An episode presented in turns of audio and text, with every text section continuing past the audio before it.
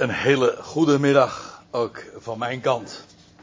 En ik ben blij weer eens bij jullie te mogen zijn. Na een uh, tweetal maanden. En ik heb zojuist nog even contact gehad met uh, mijn broer. Die er nu niet bij kan zijn. Hij heeft een heel goed excuus. Want hij zit in Amerika namelijk. Hij viert vandaag ook zijn verjaardag. Zijn 60ste verjaardag. En hij zei. Doe de broeders en zusters in Urk de hartelijke groeten. Dus bij deze breng ik dat over. Maar hij wilde beslist niet trakteren, want ja, het is echt een, echt een Alsmeerder. Dus uh, hij dacht, ik ga naar Amerika. Zoiets, zoiets zal het wel geweest zijn, denk ik. Ja, precies, ja.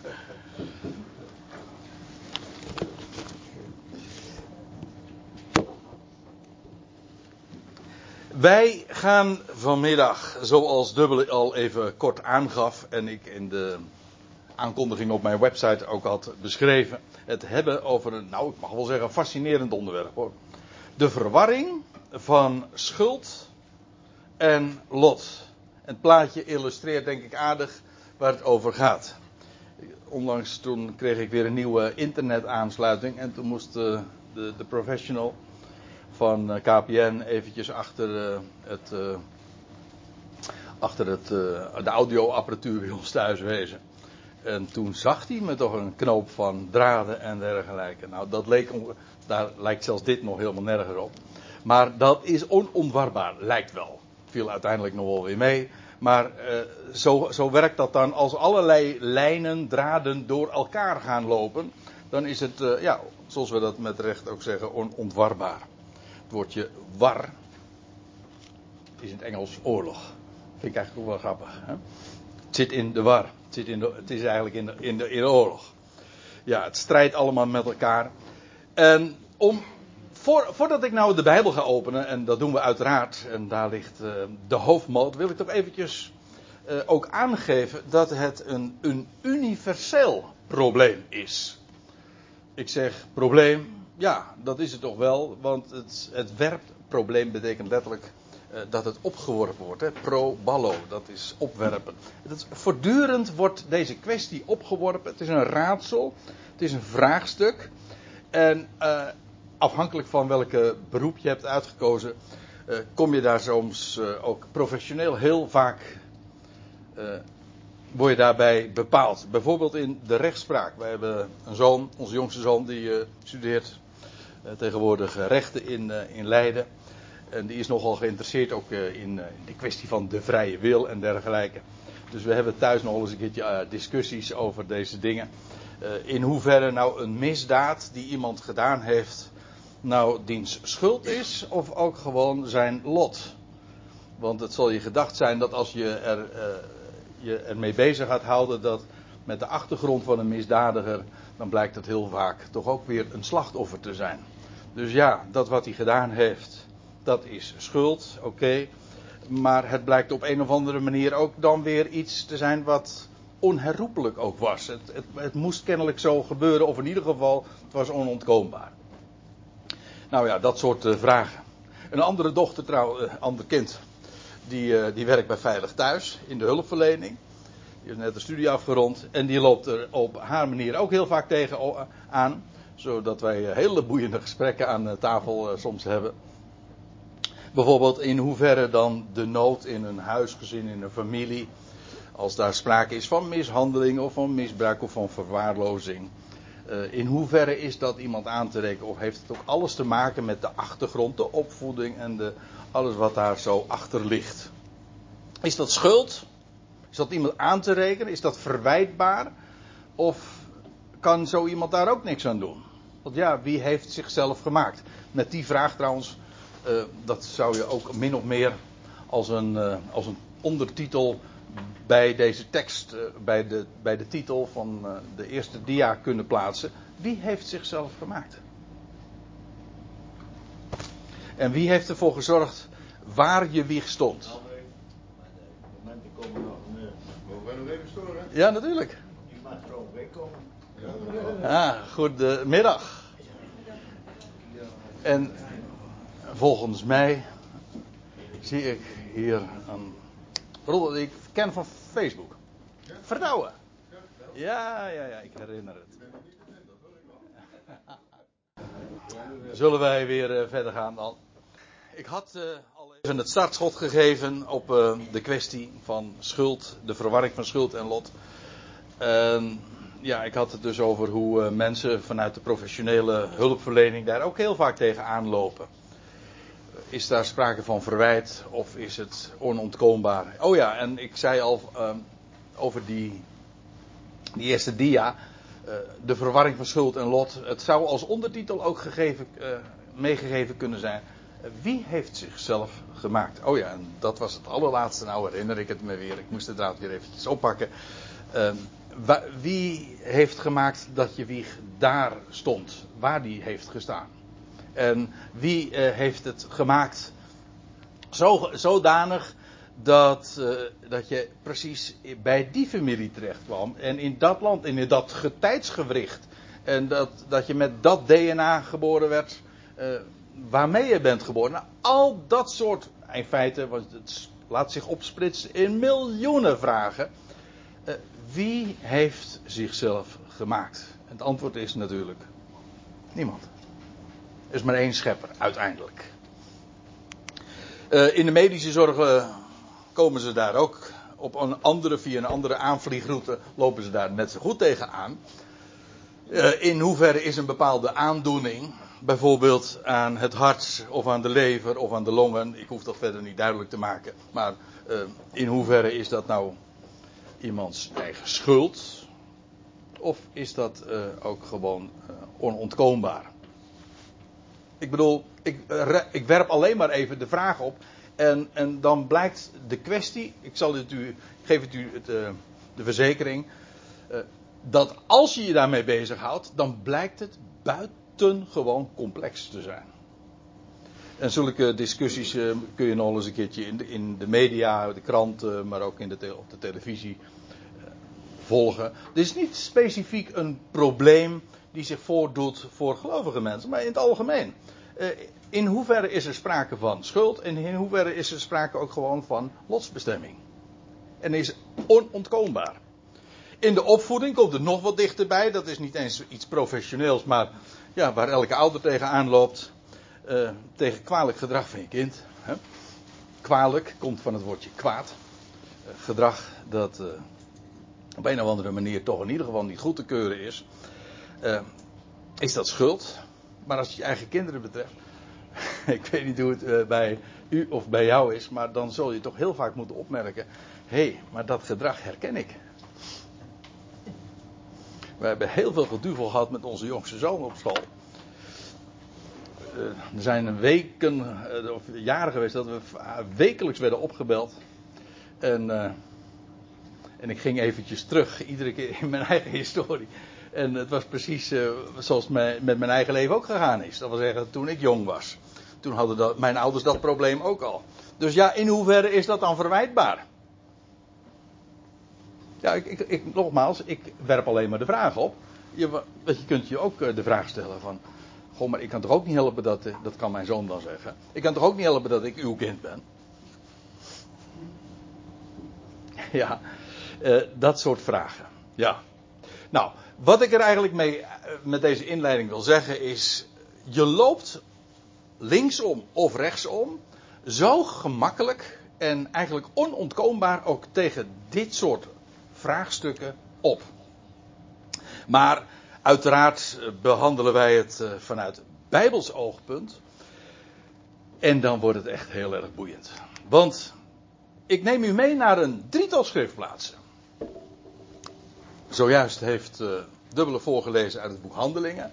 Dat komt niet aan de orde. En ik had er vele, vele andere schriftplaatsen uh, bij kunnen kiezen. Maar ik beperk me even tot een drietal schriftplaatsen. De eerste is dus Johannes 12. En dan zijn we inmiddels, als je de hele context van dat gedeelte bekijkt, dan zijn we inmiddels aangekomen bij het einde van Jezus' aardse bediening.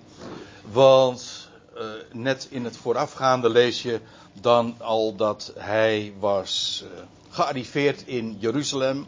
De, de, zogenaamde intocht in Jeruzalem. Dat was het begin van Johannes 12.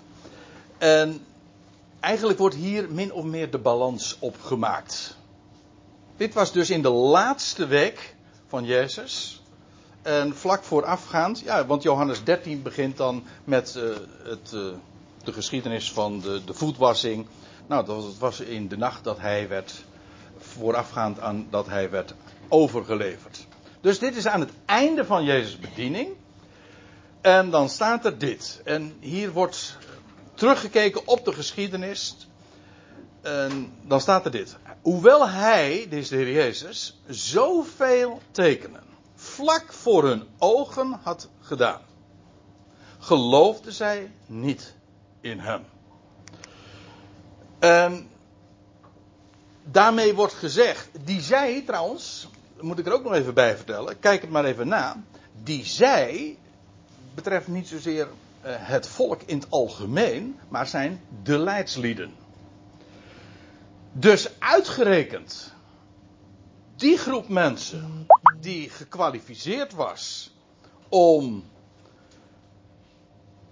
de Messias die hen was beloofd te herkennen, zij geloofden hem niet. Ondanks het feit dat hij in hun midden was. En dat staat hier dan niet zozeer, maar dat hij, zijn woord zo overtuigend was, zo krachtig, zo sterk. Vanuit de schriften bewees hij en snoerde hij hen ook de mond. En dat woord was zo sterk, maar bovendien het werd bevestigd met goddelijke tekenen, wondertekenen. Nou, vlak voor hun ogen heeft hij dat gedaan. Niet alleen een teken, maar tekenen. En wat zeg ik? Vele tekenen. Zoveel tekenen. Vlak voor hun ogen had gedaan. Ze, het kon niet missen. Dan staat er, geloofden zij niet in hem.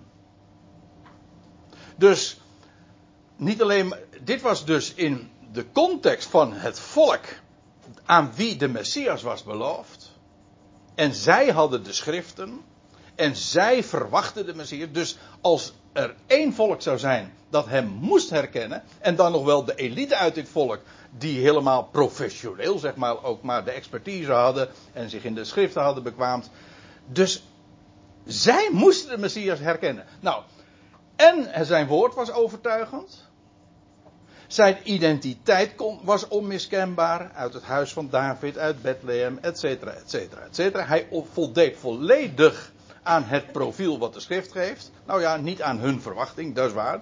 Maar dan toch. En dan alle tekenen.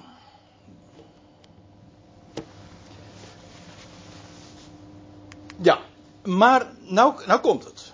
Hij deed zoveel tekenen vlak voor hun ogen. Ze geloofden niet in hem. En nou is de vraag, waarom niet? Nou, nou lezen we verder. Opdat het woord van Jezaja, de profeet, profeet, Grieks, in het Grieks betekent dat letterlijk degene die dat voorzegd heeft. De voorzegger. Opdat het woord van, de, van Jezaja, de profeet, vervuld zou worden, dat hij zei, en ik kan u verklappen, dat is Jezaja 53, vers 1. Nou, moet toch uh, in dit gezelschap niet helemaal onbekend zijn dat uh, juist dit hoofdstuk uitgerekend een beschrijving is in precisie van wie inderdaad de Messias is. En dat hij zou lijden en dat hij verworpen zou worden door het, door het volk. Het staat er allemaal. En hoe hij zou lijden. En dat hij ter slagbank geleid zou worden. En dat hij zou sterven. En hoe hij zou sterven. En waar zijn begraf zou zijn. Alles wordt daar zo uh, voorzegd. Wel, dat is dat Jezaja 53. En dan staat er ook bij eh, dat Jezaja zegt: Heer, wie heeft geloofd wat hij van ons hoort? En aan wie werd de arm van de Heer onthuld? En daarin ligt besloten, als je vooral ook het voorgaande er ook nog eventjes bij leest, van waaruit Jezaja dit citeert. Uh, pardon, vanuit, van waaruit Johannes het citeert, vanuit Jezaja. Dan zie je dat Israël het niet geloofde. En dat wordt hier eigenlijk ook gezegd. Heer, wie gelooft wat hij van ons hoort? Notabene, uh, Jezaja zegt dus, als de Messias komt, dan zal hij niet herkend en daarmee ook niet erkend worden. Uh, dus de, de vraag is retorisch. Hè? Wie gelooft wat hij van ons hoort? Antwoord is niemand. Bijna niemand. Het volk als zodanig niet. En, en kijk het maar na. Dus de miskenning vanuit het volk. En aan wie werd de arm van de Heer onthuld? Dat is die rechterarm, hè, de, waaraan de Messias ook uh, verheven zou worden. Nou, de, het getuigenis van de Messias zou bij het volk stuiten op ongeloof. Wel, dat was door Jezaja al zoveel eeuwen tevoren voorzegd. En de reden dat zij, zij, en dan gaat het over Israël in het bijzonder, de leidslieden, niet geloofden, dat was omdat Jezaja dat zo had voorzegd. En daar staat erbij in vers 39. Daarom konden zij niet geloven. Omdat Jezaja wederom zei, en dan volgt er een ander citaat, maar even dit. Zij konden niet geloven. Dit moet je even heel goed op je laten inwerken. We praten hier dus niet over prestaties, over werken, over dingen doen. Nee, het gaat hier over iets accepteren. Wat zo evident was, ik bedoel de tekenen en het hele bewijs, et cetera. Het was zo evident en toch ze konden het niet geloven. Waarom niet? Wel daarom niet. En wat dat daarom verwijst dus naar het feit dat Jezaja dat zo had al uh, zo had voorzegd. Het stond van tevoren al vast dat Israël het niet zou geloven. Ze konden het gewoon niet geloven. Kijk, en dit is nou een typisch en een frappant voorbeeld van verwarring van schuld en lot. Want aan de ene kant uh, stapelen de bewijzen en de, de schuld bewijzen aan het adres van Israël en de, haar leidslieden zich op. Als je ziet naar uh, wat de Messias uh, gedaan heeft onder hen. En zij hebben het niet erkend. Ja, dat is hun schuld. Ja. Maar nu even wat anders. Ze konden het niet. Kijk, en dat is hun lot. Ze konden het niet geloven. Hun ogen werden uh, bevangen en ze waren niet in staat om het te geloven. Het was dus hun lot. En dit sluit naadloos aan bij wat we later van de apostel Paulus lezen in Romeinen 11. Daar, ik citeer maar even, of niet, ik citeer niet zozeer, ik verwijs naar een aantal versen in dat hoofdstuk. Dan staat er hun, hun verwerping, en dan gaat het over de verwerping van, de, uh, van Paulus' volksgenoten, zijn mede-Israëlieten. Zij hebben de Messias ver, verworpen. Ja, en hun verwerping is trouwens dubbelzinnig, want je kunt zeggen dat is de verwerping van het feit dat zij de Messias verwerpen. Jawel, maar het is ook het feit dat, de, dat uh, zij terzijde gesteld zijn. Zij zijn uh, verworpen, al moet ik erbij zeggen dat dat natuurlijk tijdelijk is, maar daar gaat het nu even niet om. Daar staat in, uh, in Paulus' toelichting staat hun verwerping. Ja, dat moest zo, want het, is de, het zou de verzoening der wereld zijn. Doordat Israël tijdelijk op een zijspoor is gezet, zou de boodschap van de verzoening, namelijk der wereld, via de apostel Paulus, de apostel van de natieën, Paulus zegt ook, ik ben de apostel van de natieën, en juist uh, aan mij is dit alles zo ook bekendgemaakt, is mijn bediening. Wel, maar het feit dat Israël vijandig is, wel dat moest zo zijn, want daardoor zou het heil. Hun, hoe staat het er? Uh, even daaraan voorafgaand dat zij zijn gestruikeld. Ja, waarom?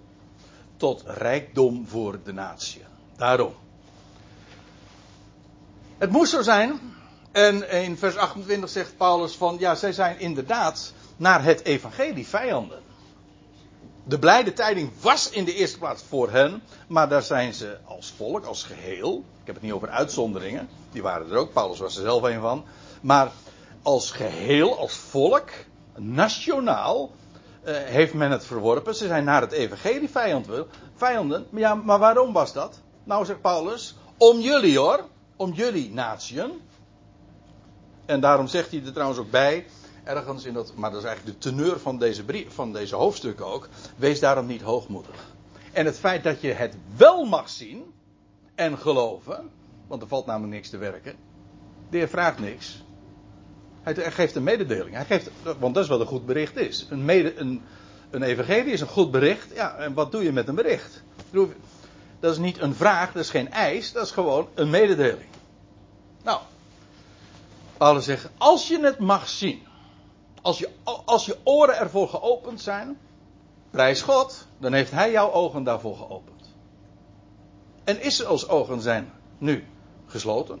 Ja, maar dat is vanwege jullie. Dus verbeeld je nou maar niks. Maar nog eventjes verder. Want uh, Paulus zegt dus, uh, nee, in Johannes 12 staat dus, zij konden niet geloven. Het was namelijk voorzegd, stond van tevoren vast.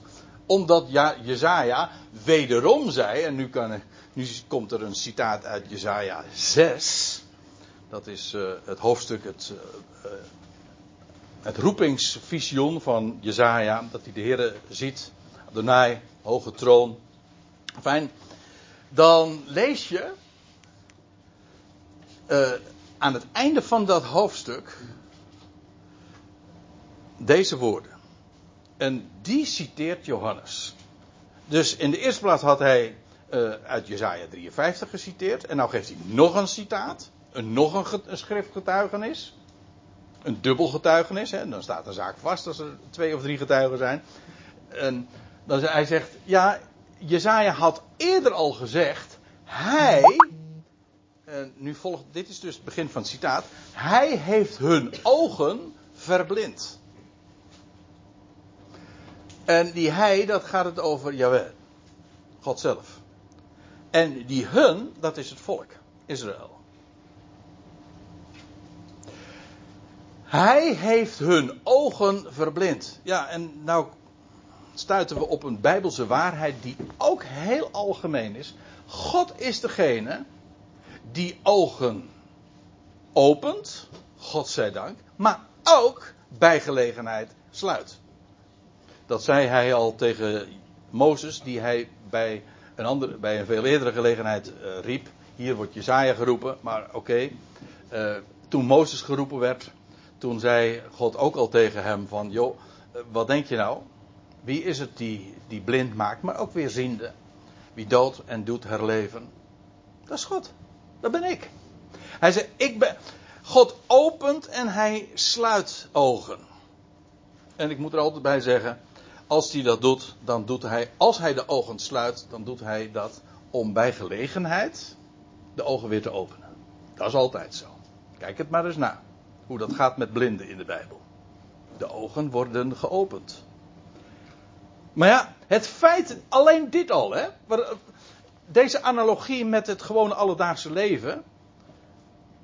Als we het hebben over geloof. Die, die werpt zich op wanneer we het hebben over zien en horen. Want ja, wat is geloven? Geloven wil toch zeggen, ja, je vertrouwt iets. Maar het, het wil ook zeggen dat je zicht hebt op dingen. Zicht op de schriften. En dat je oren zijn geopend. Maar wat staat er? In, het is een tekst, ik citeer hem altijd heel graag. Spreuken 20, vers 12. Omdat het God namelijk de glorie geeft. Het oog dat ziet, het oor dat hoort, beide heeft Yahweh gemaakt. Het feit dat je dingen mag zien, dat is toch geen verdienste. Welk mens haalt het in zijn hoofd om te zeggen van nou, dat ik kan kijken, dat is een prestatie. Nee, dat is een zegen. Datzelfde geldt voor, voor het vermogen om te kunnen horen. Wel, met geloven is het niet anders. Als je gelooft, dan mag je dingen zien. En dan mag je dingen horen, verstaan. Is dat een prestatie? Ik weet het. In de, met name in de evangelische wereld, als je in in met het idee leeft van een, een vrije wil. Een mens heeft een wil, maar men denkt dan, die wil is vrij. Nou, dat is een, een, grote misvatting. Dat bedoelt, daarmee bedoelt men vooral te zeggen van God heeft daar geen invloed op. Een bizar gedachte, natuurlijk, als u het mij vraagt. Want is er iets, ook maar één detail, dat niet in de handen van de schepper is. Maar goed. Um, die, dat idee van uh, dat je gelooft en dat dat iets is, een, een dat is dan eigenlijk iets wat uh, vanuit de mens komt. En dan heeft men via een achterdeur geloof weer tot een werk gemaakt. Een prestatie namelijk. Ja, maar dat, dat, ik, inderdaad, ik kan helemaal niks, maar ik kan wel geloven. Nou, hier zegt Johannes, zij konden niet geloven. Waarom niet? Wel, God heeft hun ogen gesloten, hun ogen verblind. Daarom konden ze niet geloven. En dat stond van tevoren al vast. Nou, ja. Hij heeft hun ogen verblind en hun hart verhard.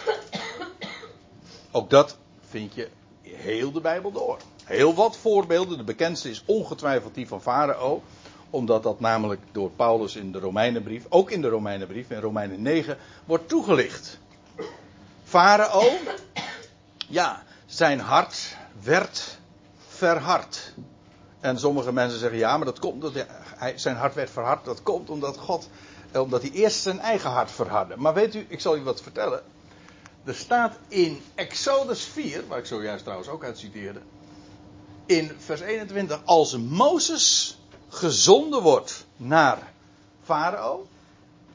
Dan wordt voordat Mozes al bij Farao geweest is, al tegen hem gezegd.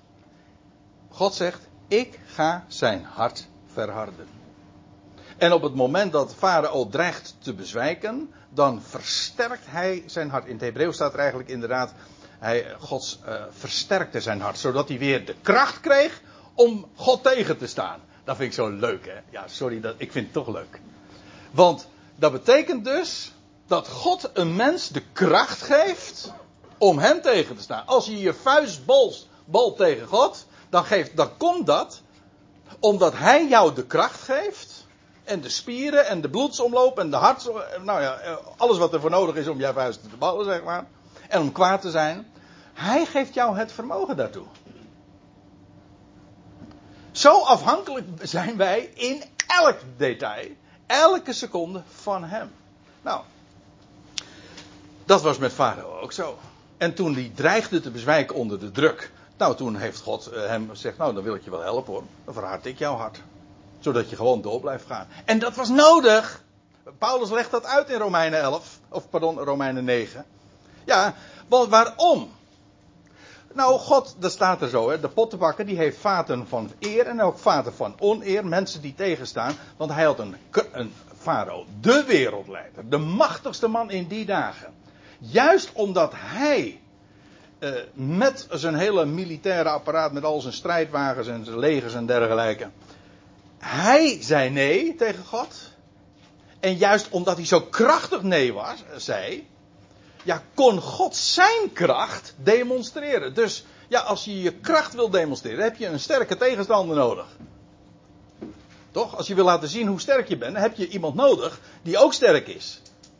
Als ik wil laten zien dat ik heel erg sterk ben, dan, heb ik, dan is het niet genoeg natuurlijk om, om een slappeling zeg maar eventjes uh, een klap te verkopen of zo. Zeg, ja, eh, geen kunst. Dat moet, je, dat moet je dan eens een keertje doen aan, uh, hoe heten die gasten? Ja, ja, nou die is ook niet zo sterk meer hoor tegenwoordig. Ik zat ook aan namen te denken. Cassius Clay en zo, maar die leven allemaal al lang niet meer. Dus. Maar goed, ma maakt niet uit. U begrijpt wat ik bedoel. Je hebt, om, om, God wilde zijn kracht demonstreren en daarom had hij een sterke tegenstander nodig. En die gebruikt hij ook, die zet hij ook in. En op het moment dat Farao dreigt te bezwijken, nou oké, dan helpt God hem en zegt van ik geef jou de kracht. Om toch door te blijven gaan en nee te blijven zeggen tegen mij. En hier gaat het over Israël. En hoe komt het dat hun hart hard was? Hart, hun hart met een T, hart met een D was? Nou, omdat God hun hart had verhard. Ja.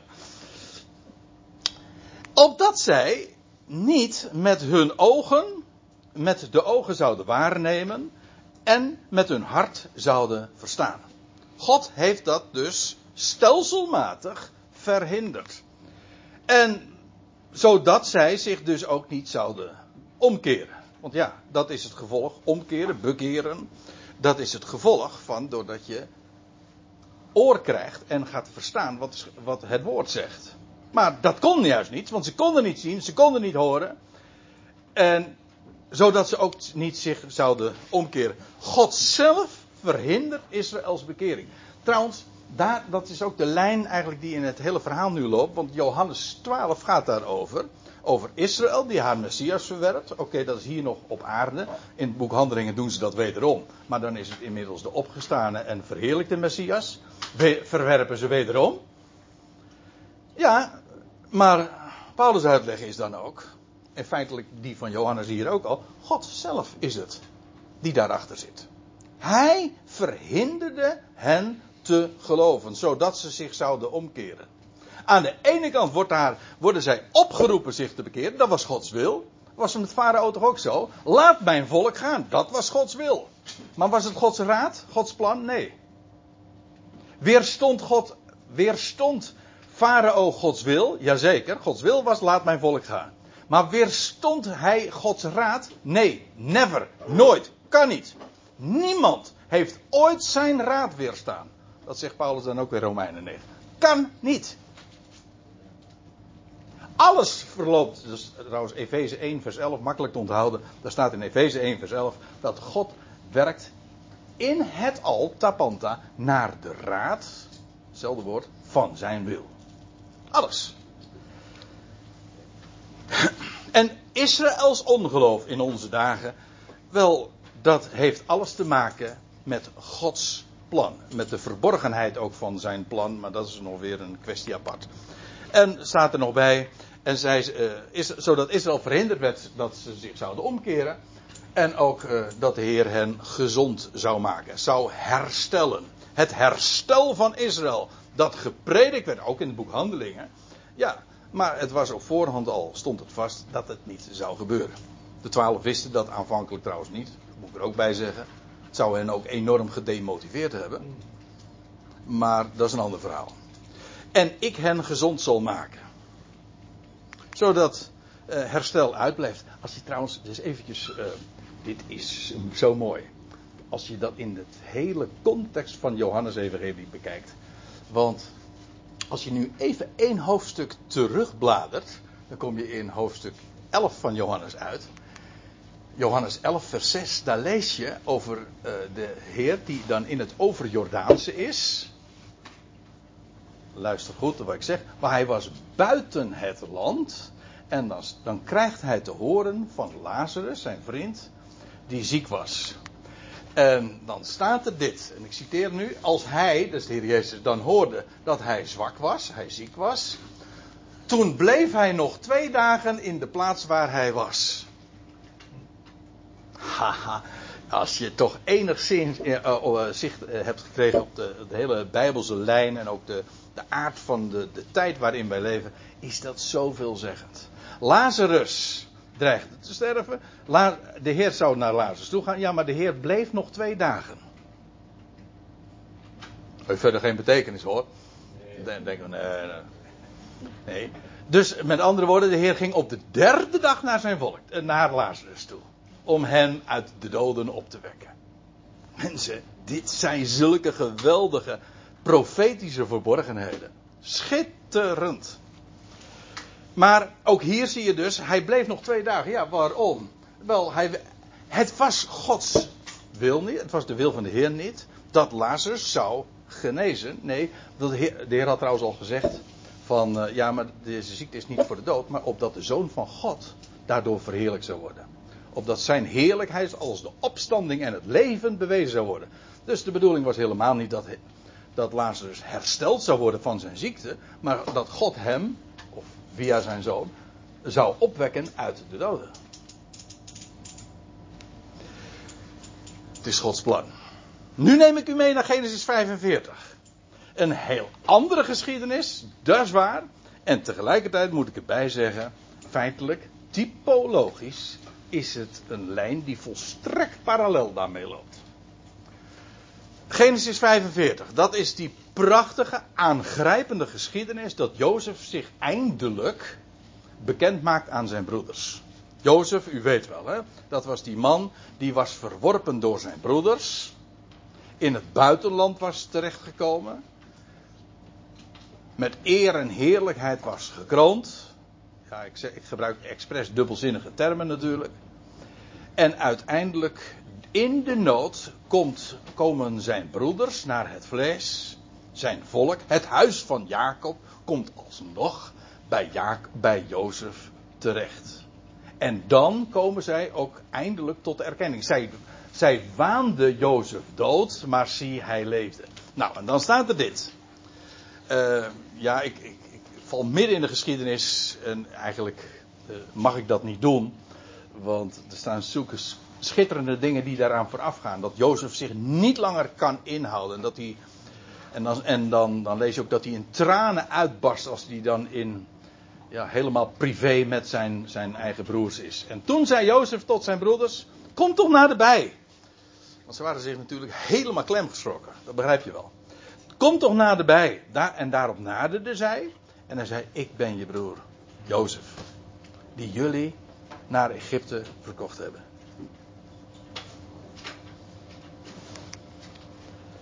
Maar wees nou niet verdrietig en ziet er niet zo ontsteld uit omdat gij mij hierheen verkocht hebt. Kijk, schuld.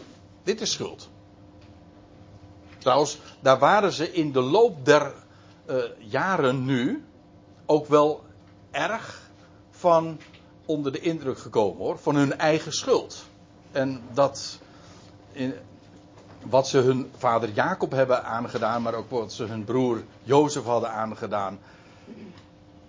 En door alles wat Jozef hen ook had doen ondervinden, terwijl die incognito zeg maar bezocht werd.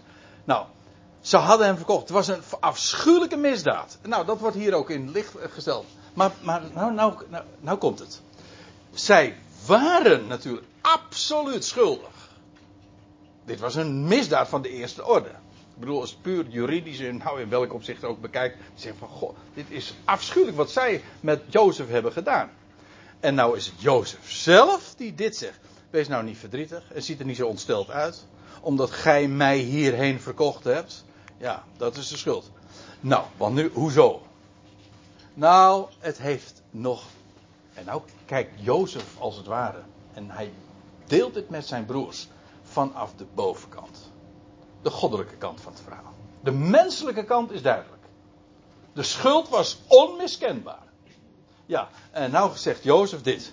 Want om u in jullie in het leven te behouden, heeft God mij voor u uitgezonden.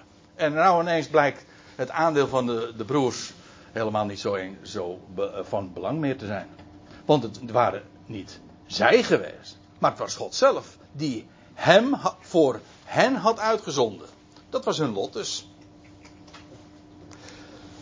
En nou lees ik even één vers verder. Daarom, zegt Jozef dan, heeft God mij voor u uitgezonden om u een voortbestaan te verzekeren op aarde. En om voor u een groot aantal geredden in het leven te behouden.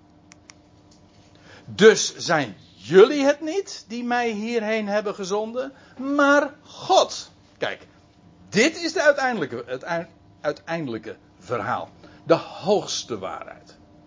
Die schuld is waar, maar heel relatief. De absolute lijn, de goddelijke lijn, de hoogste waarheid is God. Is, om het in de woorden van Dubbele ook nog even te zeggen, is in control. Hij heeft het in zijn hand.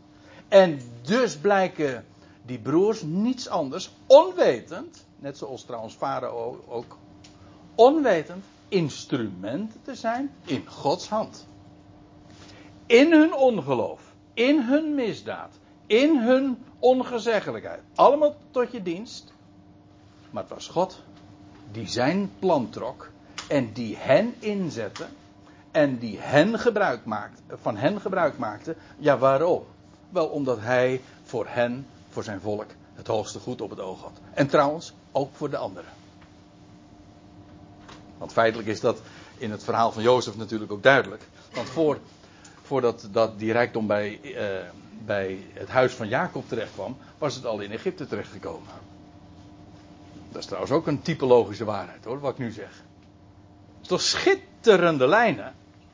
Dus dan praat je ineens over een geschiedenis die, die duizenden jaren daaraan vooraf gegaan is. Ik bedoel aan, aan de komst van de Heer Jezus en Johannes 12 en zo. Jawel.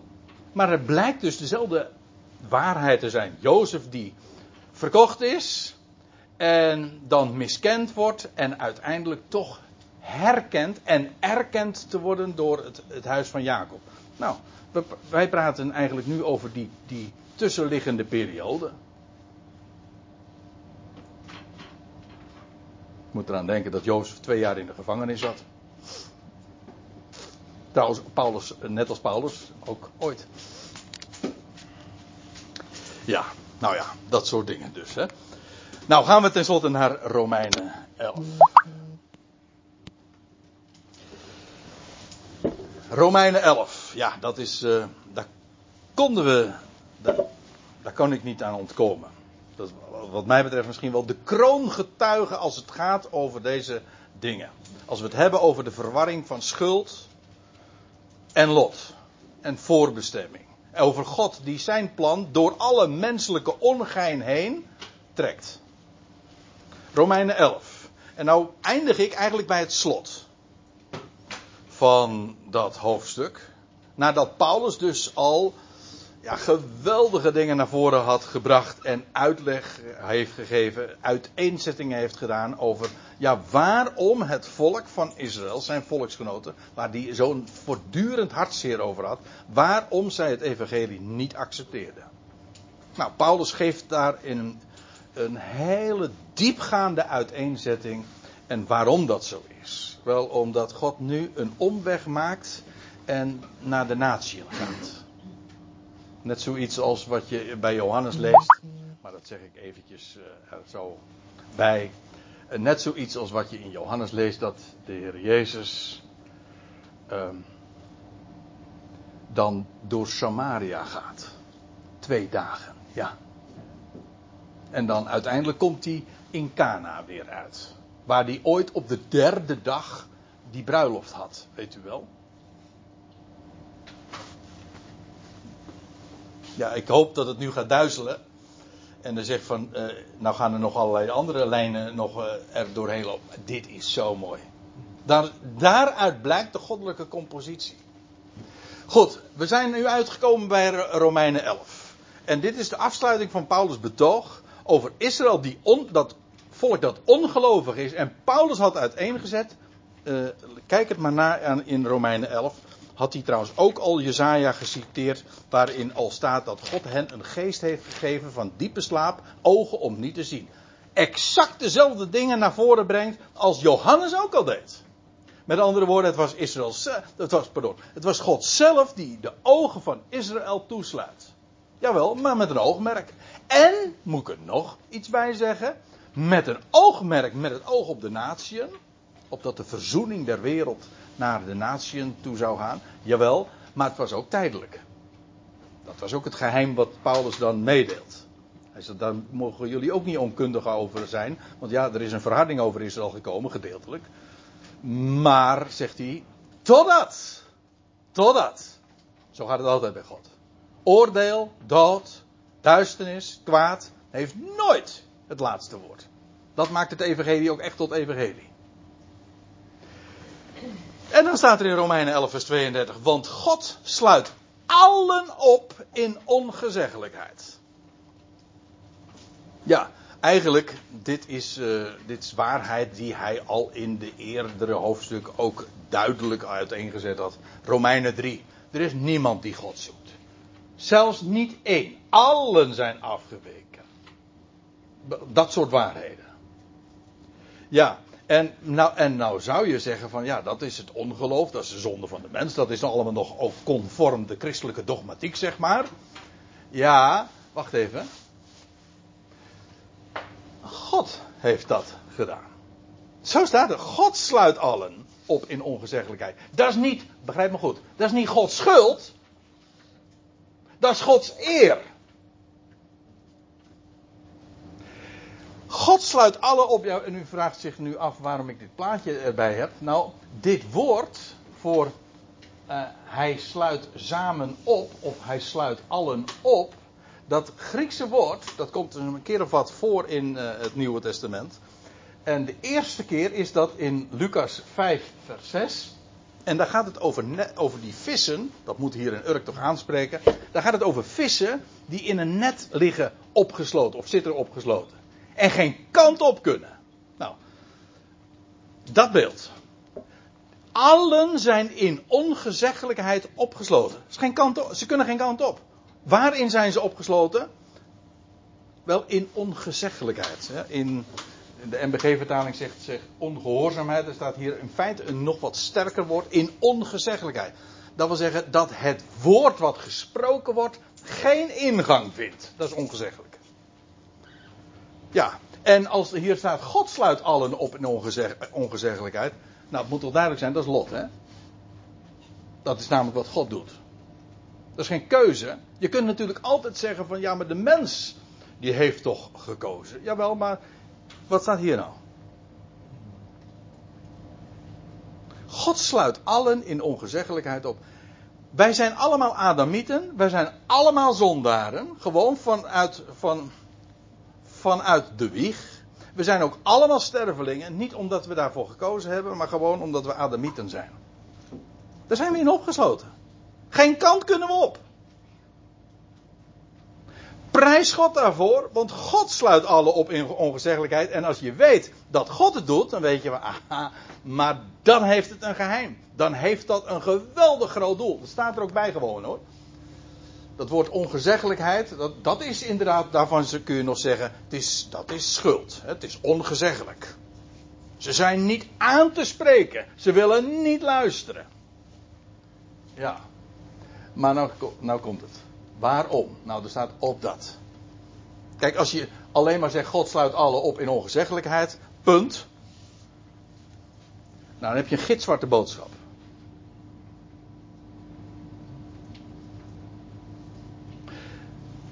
Maar de boodschap is niet gitzwart. Integendeel, het is het beste bericht wat er bestaat.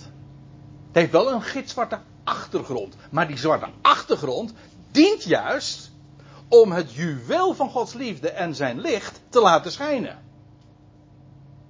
Het kwaad is noodzakelijk. Hij zet het in. God sluit allen op in ongezeggelijkheid. Waarom? Opdat hij zich over allen zou ontfermen. Ja. Dat is trouwens ook waarheid die hij in het voorgaande al had gezegd. Want hoe was het ook weer Romeinen 3? Daar staat allen derven. Nee, allen hebben gezondigd. En allen derven, missen, komen tekort van Gods heerlijkheid. En worden om niet gerechtvaardigd uit zijn genade. Allen hebben gezondigd. Allen derven de heerlijkheid Gods. En allen worden om niet gerechtvaardigd uit zijn genade. Door de verlossing die in Christus Jezus is. Kijk, dat is de, dat is de blijde tijding. En het een, alle hebben gezond. We zijn allemaal, we zijn allemaal doelmissers, we zijn allemaal zondaren, we zijn allemaal stervelingen. Jawel. Maar zoals het ene allen absoluut is, we zijn allemaal in, zitten allemaal in hetzelfde schuintje. We zitten allemaal zondaren, we zijn allemaal stervelingen. En we zijn ook allemaal bestemd tot heerlijkheid.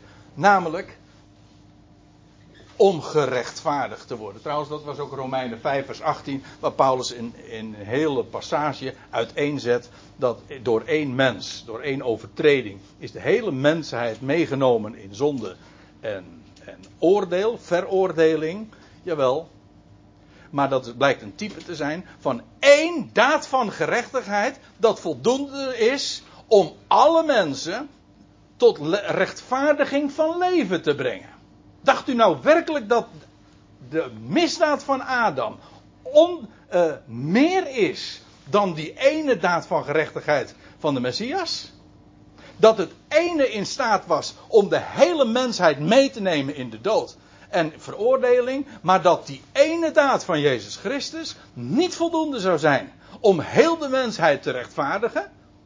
Sorry, dan kent u het evangelie nog niet. Het is namelijk om niet, het is geen keuze, het is een mededeling.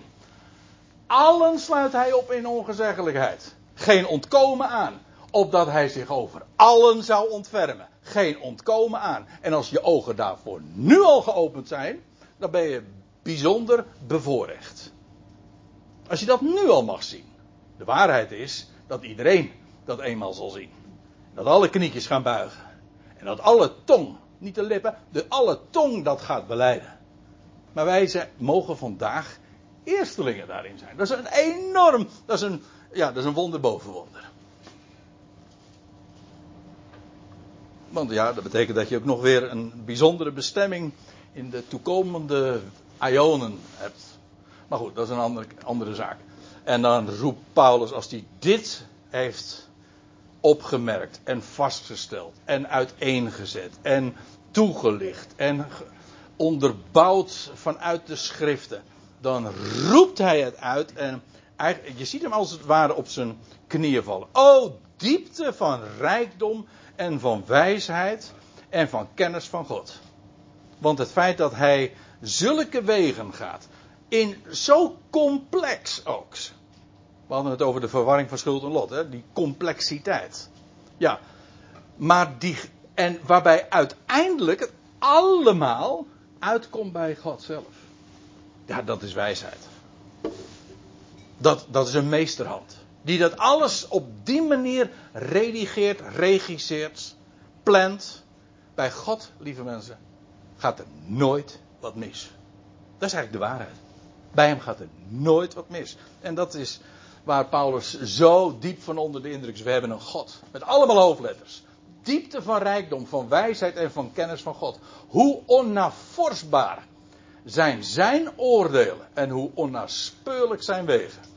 En terwijl ik met deze dingen bezig was, toen heb ik gedacht. Toen wilde ik eigenlijk nog wat meer over hier, uh, dit uh, thema zeggen. Hoe onnavorsbaar zijn zijn oordelen. Over twee weken heb ik een spreekbeurt in uh, Ebenezer in Rotterdam. En ga, ik daar, ga ik daar nog eens wat op inzoomen. Want wat blijkt is dat God inderdaad brengt in crisis. En in kritieke perioden. Het woord, het woord oordeel is in het Grieks. Ons woord kritiek is eigenlijk een Grieks woord. Betekent, is oordeel. Crisis is ook, komt daar ook vandaan. Als God oordeelt, dan brengt hij in een crisis. En soms een hele diepe crisis. Hij gaat zelfs de, de dood niet uit de weg. Hij, ja, dat, terwijl ik eraan zit te denken en terwijl ik er wat over vertel, denk ik, ja, god, dit, hier moet ik eigenlijk veel meer over vertellen. Maar goed, dat, dat doe ik dus even nu niet. Maar ik wil er eigenlijk wil, dit mee wil, mee wil zeggen. Het feit dat Israël, laten we ons daar even toe beperken. Wat Israël in de afgelopen 2000 jaar, die twee millennia, die twee dagen van duizend jaar heeft, onder, heeft ondergaan en heeft meegemaakt. De diepe weg die God heeft, uh, is gegaan met dit volk, die crisis. Dat is onnavorsbaar, jawel. Maar God gaat het tot een goed einde brengen. Er gebeurt nooit iets voor niks. Er is namelijk één God. En hij heeft alles. Omdat er maar één God is, heeft hij dus alles in de hand.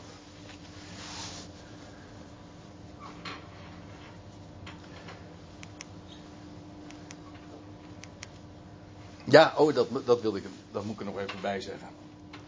Uh, oh, sorry voor dit taal, deze taalfout. Vatten is wel een Nederlands woord, maar dan is het een werkwoord natuurlijk. Hè? Ja, het zijn vaten. De pottenbakker die vaten van oneer maakt. Ja, dat doet hij. Bijvoorbeeld Farao. Maar feitelijk Israël, dat in ongeloof is, is ook een vat van oordeel. Van, van, uh, van oneer, oordeel. Maar, dat is waar. Maar God maakt er geen potje van, hè? Hij is wel een pottenbakker. Maar elk instrument zet hij in, heeft een bedoeling. En plaatst hij, zoals wij dat toch ook doen, met voorwerpen die we hebben. En sommige voorwerpen, ja, die hang je aan de muur en daar, leg je eer in. En andere voorwerpen die zet je onder je bed. Hè? Ja, is, maar het, het, het dient allemaal een doel. Het ene is alledaags, banaal. Dat is eigenlijk het woordje oneer ook. Het andere, maar alles heeft een bedoeling. God heeft alles gemaakt voor zijn doel, zelfs de goddelozen voor de dag van het kwaad, zegt de spreukendichter. Alles. En zegt Paulus dan wel hoe onafvorsbaar zijn zijn oordelen en hoe onnaspeurlijk zijn wegen. Ja, dat zijn soms kronkelige wegen, maar weet u wat het mooie is? Die wegen van God, die hebben een vaste bestemming. Maar dat niet alleen. De weg die hij gaat, het is niet alleen de bestemming is de beste, maar ook de route die hij daarin gaat is de beste. Gods weg is de beste altijd.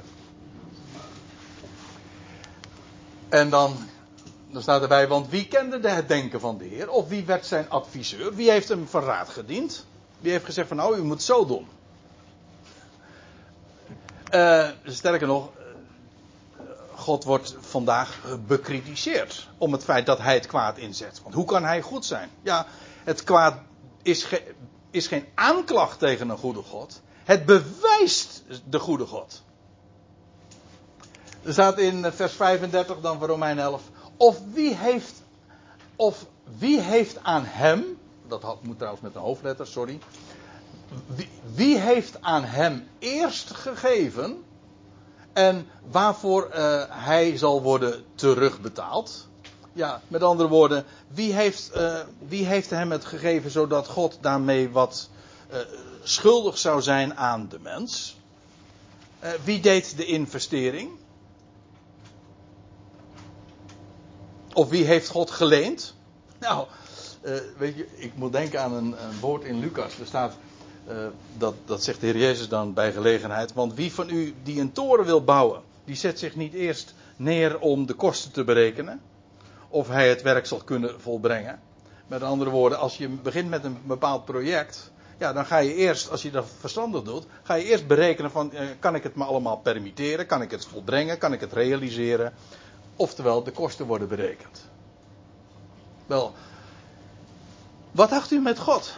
Die zijn schepping tot stand brengt. Hij weet wat hij doet. Hij wist van tevoren. Voor, er staat in Jezaja dat hij de afloop verkondigde vanaf den beginnen. Er, God staat nooit voor verrassing. Hij is namelijk de alwetende, de ene God, de almachtige. En hij wist dat het kwaad ingezet zou worden. Ja, natuurlijk, hij is zelf degene die dat schept. Die het licht formeert, die ook de duisternis schept, die, het, die de vrede maakt, die ook het kwade schept. Het wordt een buitengewoon kwalijk genomen, maar God zegt, ik ben de Heer, ik ben Yahweh, ik doe dit alles. Kijk, dat is, niet, dat is niet Gods schuld, God zegt, dat is mijn eer. Ik zet dat in. En God weet de prijs die dat. Sterker nog, hij heeft zelf die prijs betaald door zijn zoon te geven. Dat alles is, heeft te maken met de kosten. Jawel, maar het weegt niet op tegen het geweldige rendement die deze investering op gaat leveren. En dat is dan het, slot ook van, ja, van Romeinen 11. En eigenlijk ook van wat ik vanmiddag daarover naar voren wilde brengen. Dan zegt het, want vanuit hem. Want vanuit hem, worden drie voorzetsels gebruikt. En door hem en tot in hem zijn alle dingen. Het tapanta, gewoon het al. Noem iets waarop dit niet van toepassing is. Bestaat niet. Het al is vanuit hem, het is door hem en het is tot in hem. Ik, heb, uh, ik geef uh, Nederlandse lessen aan uh, buitenlanders. En ja, dan is altijd natuurlijk een een avond dat we ons ook wijden aan, eh, aan alle mogelijke soorten voorzetsels. En dan gebruik ik deze plaatjes, ja? bijvoorbeeld uit, hè? vanuit. Uh, dat wil zeggen, het, zat, het, het is, alles is vanuit hem. Dat wil zeggen, het komt uit hem voort. Ja, uit wie anders? God zelf is degene die de dingen bedenkt en creëert. Het is vanuit hem. Het is ook door, door hem heen door hem. Daar zit het woordje door, deur in. Het gaat door hem heen. Er gaat niets buiten God om. Dat kan niet. Niets. Alles is uit hem. Alles is door hem. Dat wil zeggen, het uit hem dat verwijst naar het verleden. Het komt uit hem voort. Dat het door hem is, wil zeggen, het hele traject, de hele weg, of de wegen die hij gaat, gaat allemaal via hem. Dus ook via, is ook weer de weg, hè. De wegen van hem. Door hem, en, maar ook waar het vandaan kwam, daar eindigt het ook weer. Het is uit hem, maar het is ook weer tot in hem. Dat is het voorzetsel wat hier gebruikt wordt. Het is tot in hem. Dat wil zeggen, zoals alles uit hem voortkomt, zo komt ook alles weer bij hem terug. Nou, dat is het evangelie. En dan zegt Paulus, aan hem. Ja, aan wie anders? Aan hem dus de heerlijkheid. Tot in, niet in de eeuwigheid, maar tot in de ionen die nog gaan komen. De wereldtijdperken. En wat kan een mens anders daarop zeggen dan? Amen.